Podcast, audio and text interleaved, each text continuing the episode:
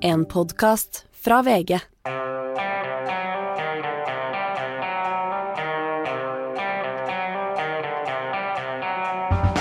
Ikke visste jeg at alle disse dagene som kom og gikk, de var selve uke 37. Jeg skal starte med å prate om noe veldig internt som egentlig ikke angår rytterne i det hele tatt, eh, Hanne, men som angår deg og meg. Vi er nå tilbake i vårt vanlige studio, som vi har laget de aller fleste Gjever og gjengen-episodene helt tilbake til Gjever og Joffen-tiden eh, de siste årene. Etter å ha vært en uke i nytt studio. Og jeg må innrømme, jeg synes det var godt å komme tilbake til det gamle studioet. Ja, vet du, Det er helt enig. Det er, liksom, det er mindre, det er litt mer intimt. Vi sitter nærmere hverandre. Jeg føler meg nærmere deg, Anders, her, Ja. enn der nede i det store, moderne, lyssatte, Det er litt mørkt. da. spektakulære. Ja, det er litt mørkt der nede òg. Ja. Magne, du liker deg bedre der nede, Magne? Ja. ja, men teknikk, det er jo det menneskelige, det relasjonelle som teller. Jeg, jeg føler at Båndet mellom eh, deg og meg, Anders. Magne er mer eh, pragmatiker. Mm. Det er enklere å jobbe der nede, mens du og jeg Og det har litt med alder og sånne ting å gjøre. Vi er i ferd med å bli reaksjonære. Nei, ting var bedre før. Det er bedre når det satt en konduktør på trikken og tok imot penger. Ja, det var jo mye bedre. Ja, var hvor er det blitt av de store femørene? Var mye bedre til å kaste på stikka med enn eh, kredittkort. Og da vi var små, så kosta det bare fem øre for en liten melkesjokolade. Ikke sant, ikke sant. Alt har blitt verre i dette landet. Verdens rikeste, som de kaller det. Alt var mye bedre under krigen. Som Alt var mye bedre. Ikke minst var strømmen veldig mye billigere. Vi kunne stå i dusjen i, i timevis. Og apropos det.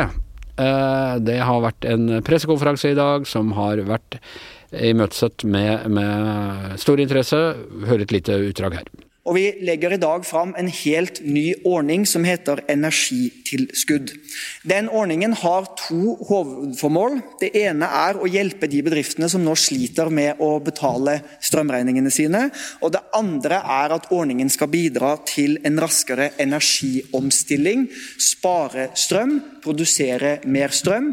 Det er bra for samfunnet i en tid der det er knapphet på strøm. Ja, Astrid Mæland. Kjerringa i strømmen, holdt jeg på å si. Eh, Kvinnen i strømmen. eh, vår, du som eh, følger best med på dette for oss. Hva, kom det noen løsning på denne pressekonferansen? Er strømkrisa for bedrifter og næringslivet nå løst?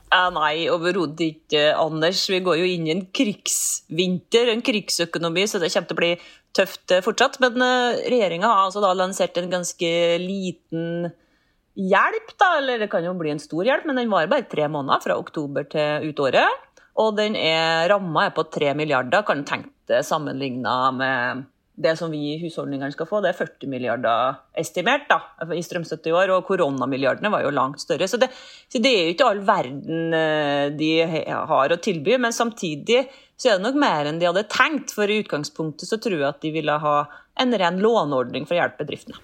Er det, eh, er det noen sånne sikkerhetstiltak rundt dette her som gjør at du ikke får misbruk av strømmidler, slik vi fikk misbruk av koronamidler til næringslivet? Eller i hvert fall eh, tvilsom bruk av koronamidler? Ja, ja, faktisk. De, har, de sa det allerede på pressekonferansen at det kommer en kontrollør og sjekker. fordi et av kravene her nå da, for å få støtte, det er at bedriftene investerer i enøk, altså type solceller, eller bytte ut vinduer og isolere rør og sånt. Det syns jeg er kjempebra, fordi det må jo være lønnsomt nå når, når strømprisen er så høy, og det er jo, og blir enda mer lønnsomt når de får den støtten til det. Og det er jo tiltak som varer lenge etter krigen er over. Hanne, så du på pressekonferansen? Ja.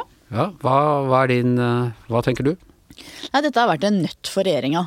Fordi at det er store krav om strømstøtte, samtidig som jo Vestre la veldig vekt på det aller meste av næringslivet går bra. Det er få konkurser. Eh, Det er eh, mange som gjør det godt, og så er det noen som sliter veldig. Så det å finne en strømstøtte som både treffer, og som ikke misbrukes, og som ikke er for raus, og som ikke pøser enda mer penger inn i økonomien, som da driver inflasjon og dermed renta, dette er vanskelig. Og jeg syns jeg har truffet ganske godt. Det var et krav fra LO om at det skulle være bare lån. NHO ville ha støtte, de laget en kombinasjonsordning. Og som Astrid er inne på, mye energiøkonomisering her. Altså det å spare strøm skal lønne seg, og det tror jeg er veldig klokt. Er du enig i dette? Ja, jeg er enig i det her. Og, og husker den uka som har vært, har jo vært full av delvis skamløse krav fra partene. Huseiernes landsforbund, idretten, hytteeierne. Alle skal ha uh, dekka alt over 50 øre omtrent. Altså, kravet har vært så himmelropende eh, at det er nesten ikke måte på. Og alle skjønner jo egentlig det når de tenker som at det går ikke an at staten driver og dekker over hele kostnaden, for vi skal jo spare, ikke sant? Og Sylvi Listhaug er jo Frp-lederen er jo ute her nå og sier at det er ufattelig svak ordning, og at hennes løsning er å gi eh, makspris på 50 øre. Men hvordan hadde det gått hvis vi skulle hatt makspris på 50 øre når det er mangel på strøm som er problemet? Og det er jo nøtta som Hanne er innpå her, at det må jo både støtte og det fører til mer forbruk, og det er et problem. Og samtidig spar. Og det er det som er nøtta. Og det var vel et oppslag tror jeg, i Klassekampen i dag om at man faktisk mange har spart mye strøm gjennom denne krisa. For det er klart når prisen blir veldig høy, så tenker man mer på, som du sa Anders, hvor lenge man dusjer, når du setter du på vaskemaskinen, når baker du brød, alle disse tingene.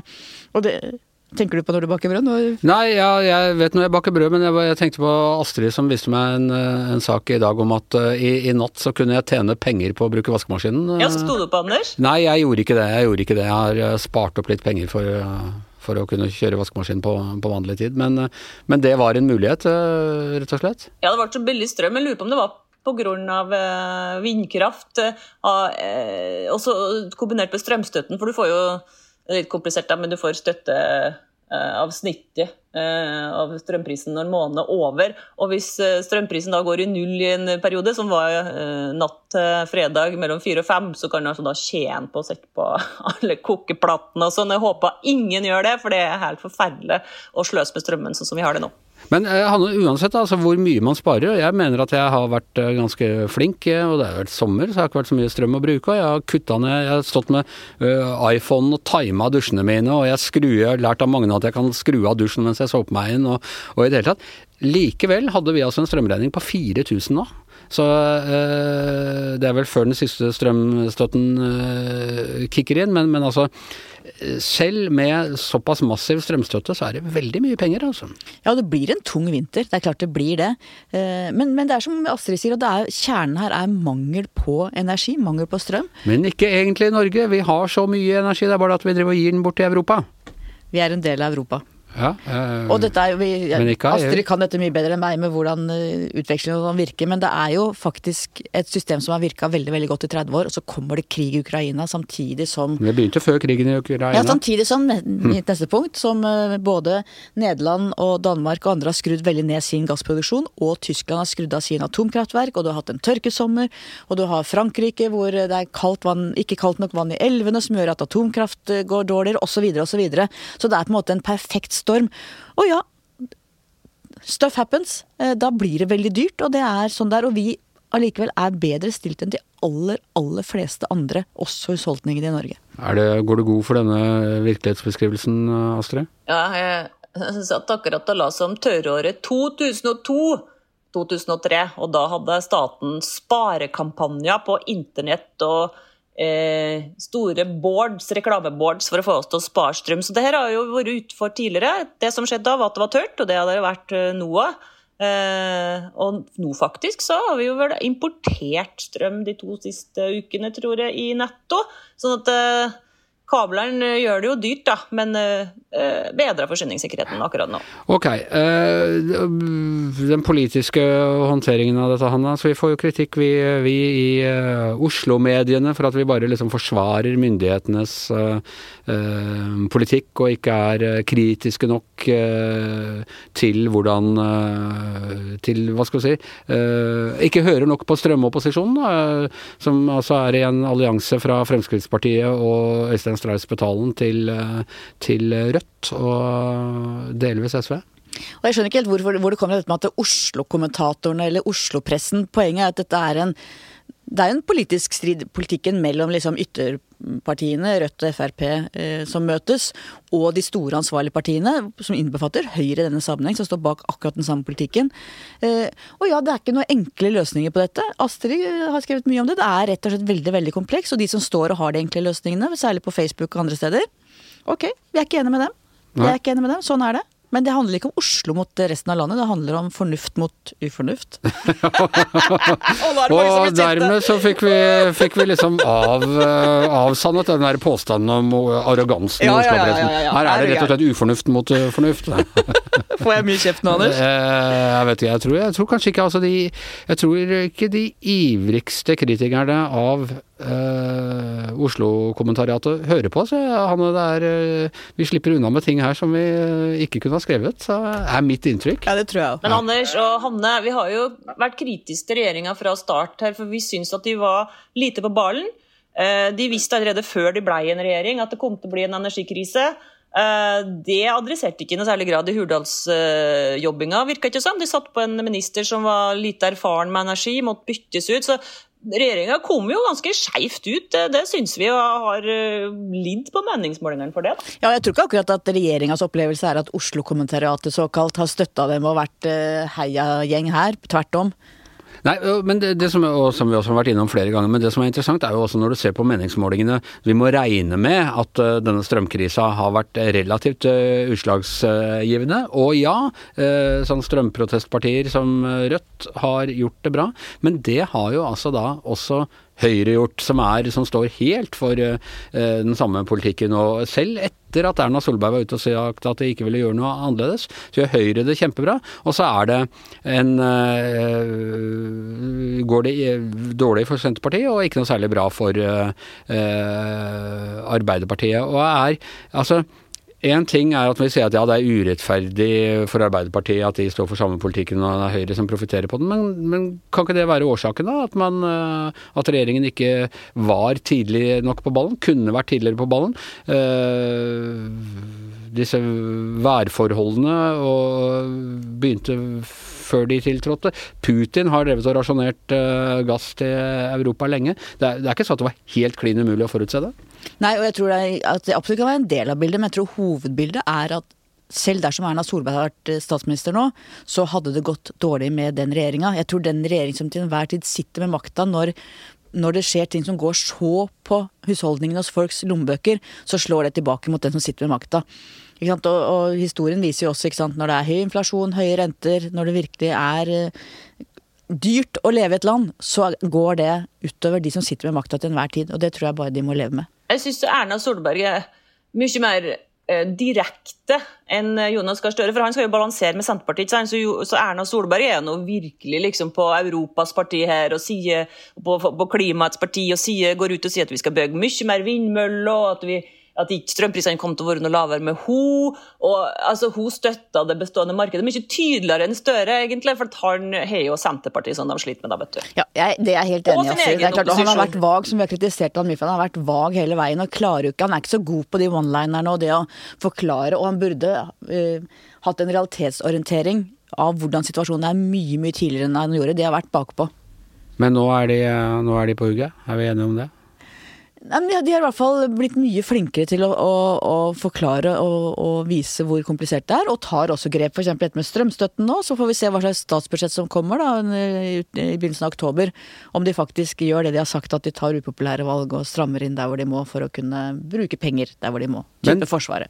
Men det er vel også altså, det er jo et, La oss si at det var potetkrise i verden, da. ikke sant? Og, og at vi var en av de største produsentene av poteter. Men så hadde vi, eh, hadde vi liksom avtalt at vi inngår i et sånt potetsamarbeid, så vi måtte sende alle potetene utenlands og kjøper dem tilbake til 100 ganger eh, prisen. Det er jo noe eh, litt absurd over dette. Selvfølgelig skal vi ha solidaritet med, med Ukraina og, og forholde oss til, til andre eh, andre land, men det er, noe, det er noe som virker nesten irrasjonelt med, med den måten strømmarkedet nå fungerer på. Ja, hvis du tror at det å stenge kablene gjør at vi får billigere pris, tror du det, Anders?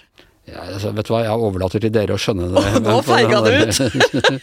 Strøm. Ja, altså, eh, altså ja, jeg, jeg vil jo tro at hvis vi bare satser på å produsere strøm her i Norge, eh, så hadde vi har vi til å dekke vårt eget eh, forbruk. Bortsett fra hvert tiende år cirka hvor det er eh, for lite strøm. Da hadde vi fått blackout og full krise. Kanskje verre enn den krisa vi har nå. Og det er jo noe med at... Ja, derom strides de lærde litt, har jeg inntrykk av på Facebook. på Facebook. Ja, ikke sant? Vi kan jo snakke om Island, eh, Anders. Island, vet du. De har mye strøm. Ja. De har hatt problem i år, og de har hatt rasjonering i deler av industrien. og sånn, og Det er det som vi ville ha hatt da, hvis vi ikke har hatt eh, utveksling eh, med Europa. Eh, I, ja, sånn som Hanne sier, kanskje hvert tiende år, da. Det, da. Men det er klart det er absurd sånn som det er nå, Anders, at vi må betale så utrolig mye for, for strømmen. Men når vi står i en akutte krise som vi gjør, så, så, så er det Det er liksom det er jo ikke så mye han kan gjøre. Ikke engang Rødt eller Frp sin, eh, liksom, Hvis du virkelig har fått makta, skulle det ha stengt kablene nå? Da ville det vært enda større fare for at vi ikke har fått noe For nå er det jo så lavt i magasinet allerede, så da ville det vært enda større fare for at vi ikke har fått noe, nok strøm. Så, så, nå er det ganske låst, da. Og jeg blir litt sånn irritert på det her opposisjonspartiet som driver og sier at det er ingenting som blir gjort Sånn. Så De ønsker kanskje å legge om hele systemet, og nå endelig, etter 30 år, da, så får de kanskje sjansen sin, tror de. Eh, egentlig ikke, for de har jo lav oppslutning. Men altså, hvis vi skulle hørt på dem, så tror jeg det hadde vært enda mer krise akkurat nå. Da. Men la oss, si, la oss si at vi hadde hatt nok eh, plutonium til å fyre opp flukskondensatoren i vår DeLorean og dratt tilbake til 1990. Skulle vi gjort akkurat det samme i kraftpolitikken som eh, da gjorde når vi inngikk de avtalene? Eller kan vi i etterpåklokskapens lys se at noen ting kunne vært gjort annerledes? Det syns jeg er vanskelig å svare på, Anders. For det har jo da som sagt tjent oss godt i 30 år. Det er to elementer her, eller to hensyn. Det er jo hensynet til pris, hvor det nå har gått helt ut av stag. Og så er det hensyn til forsyningssikkerhet, hvor da det systemet vi hadde uten de kablene, gjorde oss mer utsatte i dårlige år. Eh, så jeg tror jeg holder fast på at, at, det var riktig å gjøre det den gangen. Men, og nå, jeg syns det er så mange som glemmer at nå er det krig. Det er, hvis vi nå skulle stengt kablene både av hensyn til vår egen forsyningssikkerhet, men også av hensyn til Europa og det som kan skje der. Putins ønske er jo å virkelig splitte Vesten. Hvis vi nå skulle bare holde for oss selv og gi blaffen i det som skjer i Europa, det ville vært et utrolig dårlig signal på alle måter og usolidarisk, og ville heller ikke tjent norske interesser. Og Anders, jeg har vel kanskje sagt det før, men husker du hva opposisjonen krevde etter det tørråret som jeg snakka om to, for 20 år siden? Da Da gikk jo Carl I. Hagen foran og krevde kabel til utlandet. Ok. Ja, nei, men dere har vel rett, det er vel fornuften, og så prøver jeg bare å være ufornuftens stemme her. Jeg vet ikke om ufornuften syns at jeg var en god representant for deres, for deres du meninger. Du får ringe Spetalen og spørre. Jeg får ringe, jeg får gå inn på Facebook og høre hva de, hva de tenker. Ok. Uh, skal inn på noe uh, litt, litt andre paradokser. Denne uka var det premiere på Netflix-serien Forsvinningen Lørenskog 31.10.2018. Eh, en TV-serie bygget på nettopp forsvinningen på Lørenskog 31.10.2018, da eh, Anna Elisabeth Hagen eh, plutselig forsvant. Hun er ikke funnet. Hennes mann Tom Hagen ble etter hvert siktet for å stå bak forsvinningen. Han har ikke tilstått dette. Ehm, det er en av de mest uh, omtalte krimsaker i, i Norge siden, ja, siden Orderud, ja, det er en helt spesiell sak. Ja. Du er, eh, du er uh, krimkommentator i VG, og du er nøye på at du ikke er filmanmelder, men du har altså sett, sett hele serien. og dette er jo altså Du har jo vært med på å lage TV-serie om, om Orderud-saken, men det var en dokumentar og, og, en sak hvor det har falt dommer, og hvor den er ferdigbehandlet i rettssystemet. Eh, sånne har det vært flere. Baneheia, eh, Therese-saken, flere sånne store saker. Men denne her er altså en eh, drama om en sak som ikke er oppklart. Ja, det er det, og det er jo mange som diskuterer det. Og det tror jeg man forventa, at det kom til å bli delt oppfatninger rundt det. Og noen syns jo det er eh, vanskelig. Jeg har lest at familien Hagen syns det. Eh, og så skal det jo sies at ja, denne saken handler jo, om, handler jo om, dem. Den handler om det som ramma dem, og som fortsatt ligger over dem som en tragedie. En, et familiemedlem er borte, og man vet ikke hva som har skjedd. Men, men i serien så er jo familien Hagen Jeg vil ikke si at de er noen hovedpersoner. Vi følger politifolk og journalister i langt større grad enn, vi eh, har fokus, enn det er fokus på, på familie. Så det er mer om ditt arbeid f.eks., enn om uh, hvordan familien opplever dette? Ja. Det er jo uh, Christian Rubek som spiller en journalist, og så er det Victoria Ose som spiller en annen journalist. Og så er det jo da to politietterforskere som jeg føler vi kommer tett på. Og så er det et ganske stort sånt bakteppe, et rollegalleri med, med, flere andre. Og så er man jo innom denne kryptomannen, og man er innom uh, Ole Henrik Golf, som jo mange har lest om, som fikk eh, passet sitt frastjålet. Så det er mange sånne kjente elementer uh, som, som ligger, ligger, hele veien. Men man bruker virkelige navn på, i hvert fall på, på Hagen-familien? De bruker virkelig navn, og jeg leste et sted at det var gjort en bevisst grensedragning på det, og at man eh, benytter navn på de som har eh, uttalt seg offentlig. Så det betyr jo at eh, noen politifolk, Svein Holden Forsvareren til Tom Hagen? Ja, og, og, Tom Hagen, som du sier. Men så er jo barna til Tom Hagen er ikke navngitt, og andre som også er med i uh, disse ulike uh, galleriene, om det er politi eller, eller, medier, er heller ikke navngitt. Så det er en, uh, et skille der. Nå, vi skal altså ikke filmanmelde på noen måte, men bare faktasjekke litt. Hvilke er den helt, saken helt slik vi kjenner den fra mediene, eller er det noen store avvik i historiefortellingen?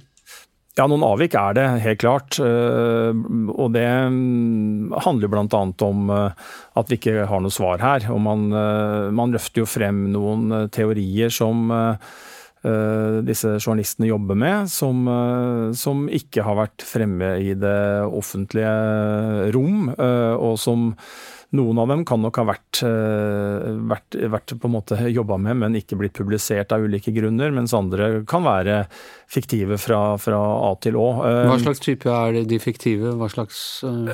Nei, det handler jo om et, eh, et miljø Nå, vi, nå, blir det spoiler-alert her, ja, ja, så NB, NB. Ja. Eh, men eh, nei, det handler jo om noen miljøer som kan ha stått bak en, en, kidnapping.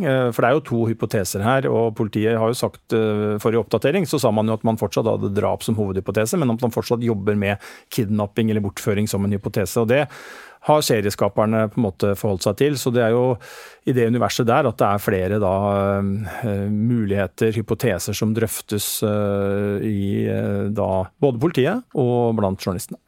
og så går jeg ut fra at man ikke utpeker, ikke kommer med noen løsning. Hvordan avslutter man da en, en sånn serie? Så som ikke har noen eh, avslutning, egentlig? Jeg kan røpe så mye som man avslutter eh, akkurat på den måten som eh, det må avsluttes.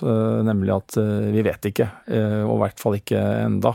Og så vet vi jo fra det virkelige liv at denne saken er under etterforskning, og at akkurat nå pågår et skifte mellom både på, påtalesiden, altså politi, advokat, juristsida i politiet, og på etterforskningssida så, så er det utskiftninger og et lite sånn ja, eh, kanskje ikke stillstand, men man bruker litt tid på å sette seg inn i saken og komme i gang og jobbe etter både kanskje både gamle og kanskje nye spor. Men, eh, men, men ja, det er en åpen slutt, og det er jo ganske naturlig at man må ha det. Og helt sikkert lurt i en sånn dramaturgisk sammenheng også, i og med at folk ikke vet. fordi at jeg, tror nok noe annet hadde vært vanskelig for Det er mange som følger med Lørenskog-saken, og dette er, er en serie som ligger veldig tett opp til virkeligheten. Og det er mange mange kjente elementer her, og så er det noen avvik. Men jeg tror på en måte at hvis man hadde forlatt uh, akkurat det premisset om at saken er uløst uh, i avslutningen her, så ville nok kanskje det ha vært uh, en del seere som syns det har vært litt rart. Altså, dette med true crime det har jo vært en vekstindustri i både journalistikken, men også i mediene generelt. Vi ser at her i podkastverdenen så er det veldig mye true crime av, av vekslende kvalitet. og Det er uh, dokumentarer, og, og, det lages uh, dramaserier.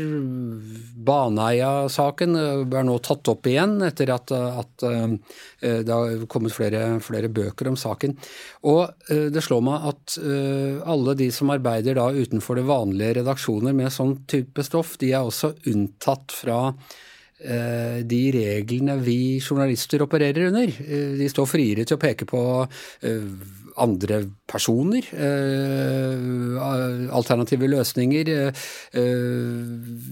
De er underlagt norsk lov og ikke norsk presseetikk, for å si det sånn. Er det et problem for oss i de tradisjonelle mediene at nye aktører kommer inn og med, et mye friere mandat enn det journalistene har?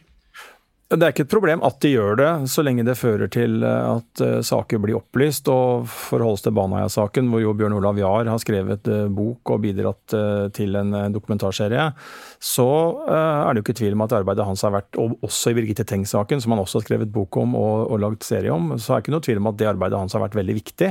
Og det som jeg syns er et paradoks, og som jeg har nevnt både her internt og eksternt, er at presseetikken er jo mye bra ved den, ikke tvil om, om, det. Men jeg tror jo også at den har noen begrensninger. Og jeg er ganske sikker på at uh, Bjørn Olav ikke kunne ha kommet til i redaktørstyrte medier med de to prosjektene sine på det tidspunktet de kom. Uh, og det er, en, uh, det er et tankekors for oss. fordi at vi skal bl.a. avdekke mulig justismord og på en måte være en maktkontrollør. Eh, og da mm, er det jo et paradoks at jeg tror det er vanskelig i mange redaktørstyrte medier f.eks. å gå løs på en rettskraftig dom og begynne å stille spørsmål ved det, og, og, sånn som man måtte gjort da, i, dette tilfellet. Og det, um, det tror jeg er, er krevende. Og så um, tenker jeg også det er et paradoks at vi, eh, samtidig som vi skal være maktkritiske og Eh, på en måte granske bl.a. Eh, domstolene, så, så, bygger jo en del av presseetikken og pressejussen på de avgjørelsene som treffes av de vi skal granske. Og det kan noen si er et uh, om ikke et problem, så er det i hvert fall en eh, ja, det er interessant problemstilling. Eh, til å dømme etter mottakelsen som jeg har sett så langt av, av Lørenskog-forsvinningsserien til, til, Netflix, så, så, har ikke den fått så veldig gode kritikker. Så, så foreløpig er ikke det den største utfordringen vi har å, for å holde oss til. Eh, tre på terningen fikk den her i VG av vår anmelder Morten Ståle Nilsen. Tusen takk skal du ha, Øystein Millie. Og det er for så vidt en grei overgang til vår ikke helt faste spalte eh, innafor utafor, hvor vi hjelper våre lyttere med å finne ut hva de skal mene om eh, eh snakkisene i eh, selskapslivet eller på sosiale medier eh, og i det hele tatt. Eh, vi kan, jo, starte med akkurat denne saken her. Altså en Netflix-serie. Eh, basert på Lørenskog-forsvinningen. Eh, en sak som er under etterforskning, den er ikke oppklart. Det er eh, ingen tilståelser. Eh, vi vet rett og slett ikke hva som har skjedd. Er det innafor eller utafor å lage en sånn serie? Og må jeg understreke at ingen av oss har sett den, så her er det liksom premisset i utgangspunktet. Hva, hva tenker du, Hanne? Er det lov å svare midt imellom? Ja da, det er det. Eh, nei, for jeg mener at det er, det er, komplisert både av hensyn til familien og de pårørende, eh, og av hensyn til etterforskningen. Samtidig så er det jo et, hva skal jeg si, et godt drama eh, som vi veit mye om. Og så vidt jeg har forstått, så er det veldig lite om familien og den type ting. Det er mye om etterforskning og politifolka. Så jeg vil si halvveis innafor, halvveis utafor. Er det feigt? ja, det er eh, Det er ikke som i strømkrisen hvor det er ufornuften mot fornuften, skjønner jeg. Eh, hva tenker du, eh, Astrid? Nei, det er innafor, ja. ja. Fordi jeg har ikke sett den serien der, men jeg har jo sett mange andre true crime og sånn reality-serier, og det er en sjanger jeg elsker. Og mange av de seriene har jo ført til at saker har blitt oppklart, eh, fått nytt resultat, eh, saker har blitt tatt opp igjen. I denne uka så har vi jo om Serial, den første skikkelig kjente podkasten som fikk meg hekta på sånn true crime. Eh, at eh, staten, påtalemyndigheten i Amerika, eh, vil gjenoppta den saken. Eh, så spørs det jo litt hvordan den Lørenskog-dokumentaren eller serien er, da. Eh, det vet jo ikke jeg, men eh, i ja. mange tilfeller så kan det jo være bra for for dem som har fått kasta et mistankens lys over seg. Forskjellen er jo selvfølgelig uh, at dette er en drama uh, kontra, kontra, dokumentar. Uh, jeg snakka jo med, med, Øystein om det, men det gir jo på en måte litt nye utfordringer, det. da, At, at, du, at du, dramatiserer istedenfor en dokumentar, så vil det alltid være, være krav til nemlig dokumentasjon. Eh, annen sak, altså da vi eh, Forrige gang vi satt her og lagde, eller nede i det andre, mer moderne studio og snakket sammen, så var dronningen akkurat død. Eh, og vi var fylt av patos alle sammen og snakket om alt fra hun hadde regjert over fra Beatles til Monty Python til Sex Pistols og, og uh, Diana og hele dette Hele denne utrolige The Crown-epoken som uh, man kan kalle det, som da spinner og, gjennom sju eller åtte tiår. Um, Omtrent samtidig så begynte de første veldig negative reaksjonene å komme. folk var liksom sånn nærmest ja, sa ting jeg ikke engang har lyst til å gjenta om et nylig uh, avdød menneske. Ikke fordi de hadde så mye mot henne, men fordi de så på henne som et symbol for uh, det imperialistiske England. England som hadde kolonier, England som opprettholdt grusomme klasseskiller rundt omkring i verden, England som en imperialistmakt som underla seg land de slett ikke hadde noe å gjøre i. Innafor eller utafor å rykke ut mot dronningen på den måten før hun er kald i kista? I prinsippet er det selvfølgelig innafor, for det ikke, skal ikke være forbud eller utafor å si noe sånt. Men jeg syns det var veldig ufint og helt unødvendig og veldig dårlig timing. Hva tenker du Astrid? Ja, Det er innafor, ja. Jeg eh, hører en eller annen aktivist sa at eh, det her er momentumet. Det er vanskelig å få løfta den saken ellers. Eh, men så er jeg helt enig med Hanne at det er rett og slett uenig i sak, da. Ja. altså, Elisabeth tiltrådte som dronning etter at koloni, det britiske koloniveldet var Eh, liksom, altså, i ferd med å avvikles. Eh, og hun har jo ikke noe med det som sådan.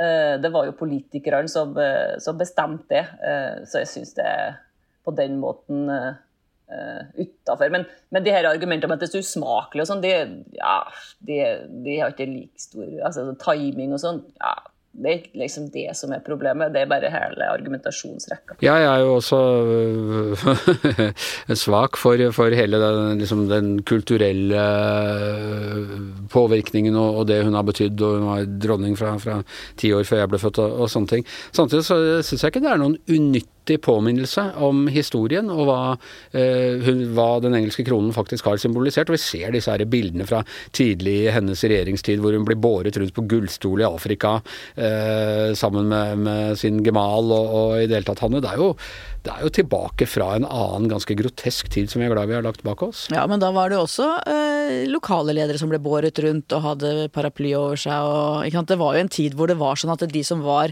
ja, ja, altså, overhoder ble dyrka på en måte som vi i dag aldri ville tillatt og aldri ville synes var greit. Men det er jo en, ja, nettopp, men det er en tid vi er glad for er over, og, er, og hun regjerte også i den tiden. Ja, eh, og det er jo ikke noe, noe galt å egentlig bli minna på, er det det? Nei da, men det er noe med den eh, hva skal jeg det veldige oppgjøret med kolonitiden som av og til blir du nesten får liksom følelsen av at de som i dag uttaler seg, har vært under jernhælen til Elisabeth. Og eh, jeg syns det tidvis blir litt overspent, da. Ja.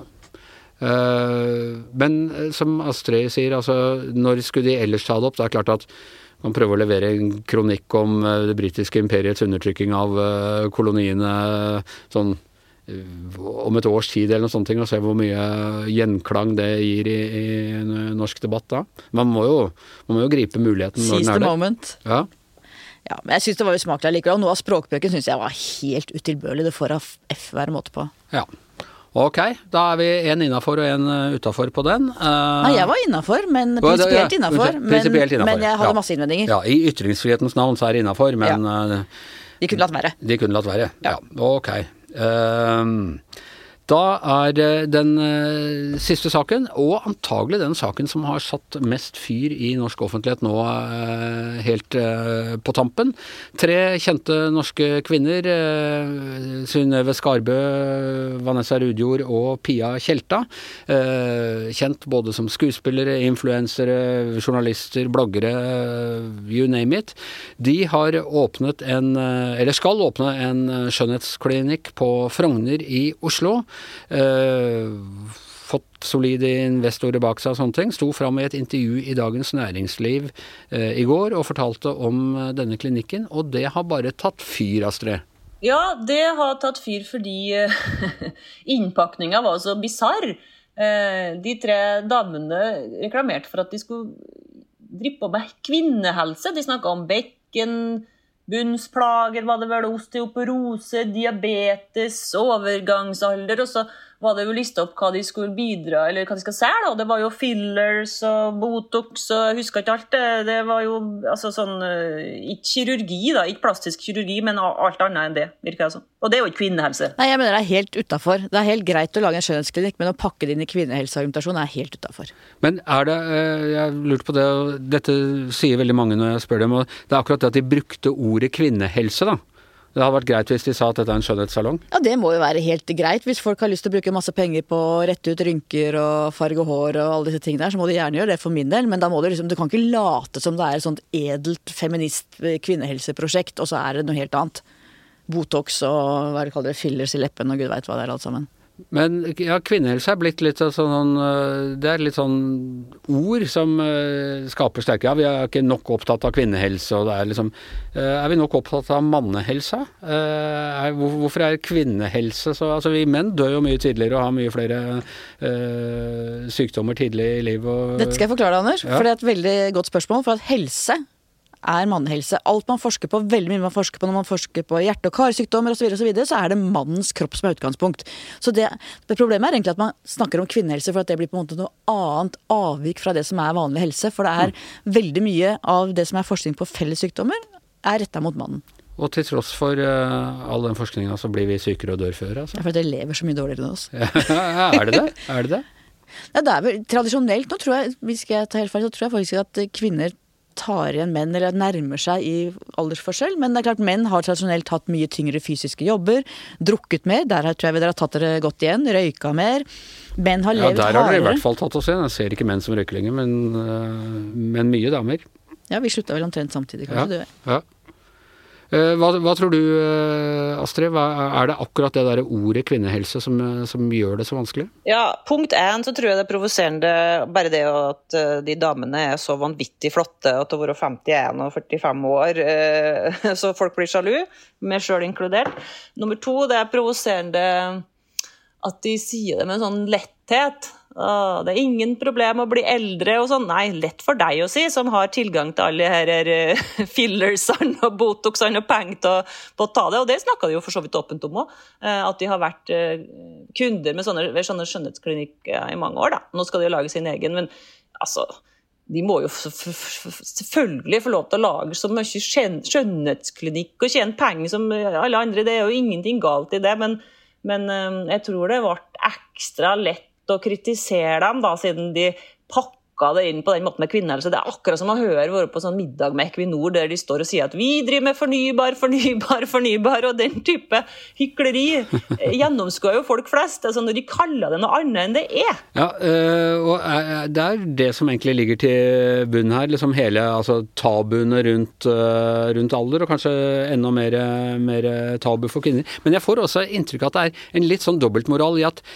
veldig mange influensere og bloggere og hva det måtte, måtte være, er kvinner som ser veldig eh, bra ut etter, hvis du regner liksom sånn motindustriens standarder eh, som bra, og ser veldig pynta og sminka og heisa og harja på og sånne ting. Og så er de alltid veldig indignert eh, når det er snakk om skjønnhet eller spi... Å nei, da blir det kroppspress, og da blir det spisepress, og da blir det Og det er jo nettopp mange av de som nå er, er sinte på disse jentene, er jo sånne Hvis ikke de skaper høye idealer for hvordan du skal se ut og spise og opptre, så vet ikke jeg hvem som gjør det, Astrid? Bra rant, Anders. Helt enig. Jeg er sikker på at en stor prosentandel av kritikerne i sosiale medier av den nye skjønnhetsklinikken går og får fylla opp både her og der sjøl. så, så det er jo litt Det kjenner jo litt på det sjøl òg. Oi. Det er jo- det er ikke så lett det der, ikke sant? For at uh, skal gjerne liksom sett litt finere ut, ja. mm, Men jeg har ikke lagt meg under Jeg har ikke meldt meg inn i den Naomi Eller Nomi heter den vel, da. Den der nye klinikken ennå. Uh, på Frogner. Jeg har sikkert ikke råd heller. Men jeg tror vi skal være lykkelige, vi kvinner som ikke har liksom hele karrieren hengt på hvordan vi ser ut. Eh, For det må jo være Og det er jo de fleste kvinner. Og det er de fleste kvinner, men det er klart hvis du er skuespiller eller modell eller influenser, så er det selvfølgelig mye viktigere. Mens eh, vi andre som ikke ble ansatt pga. hvordan vi så ut, vi har det litt lettere. Jeg kan anbefale alle en karriere som podcaster, for der eh, er det ikke noe krav til utseende i det hele tatt. Her kan vi sakte råtne foran mikrofonene uten at noen bryr seg. Og med det så er Gjever Giæver og gjengen over for i dag. Tusen takk til Astrid Mæland, tusen takk til Hanne Skartvedt, tusen takk til Øystein Milli. Jeg heter Anne Skjever, og mannen som alltid er innafor alle parametere, er som vanlig vår produsent Magne Antonsen. Og helt til slutt så bare minner jeg om at uh, hvis du har uh, VG pluss-abonnement, men ikke tatt det ekstra Podme-abonnementet, så kan du fortsatt høre oss på hverdager på den egne VG podkast-plattformen. Det er bare å google oss på VG, så, så kommer den frem. Du har hørt en podkast fra VG. Ansvarlig redaktør, Gard Steiro.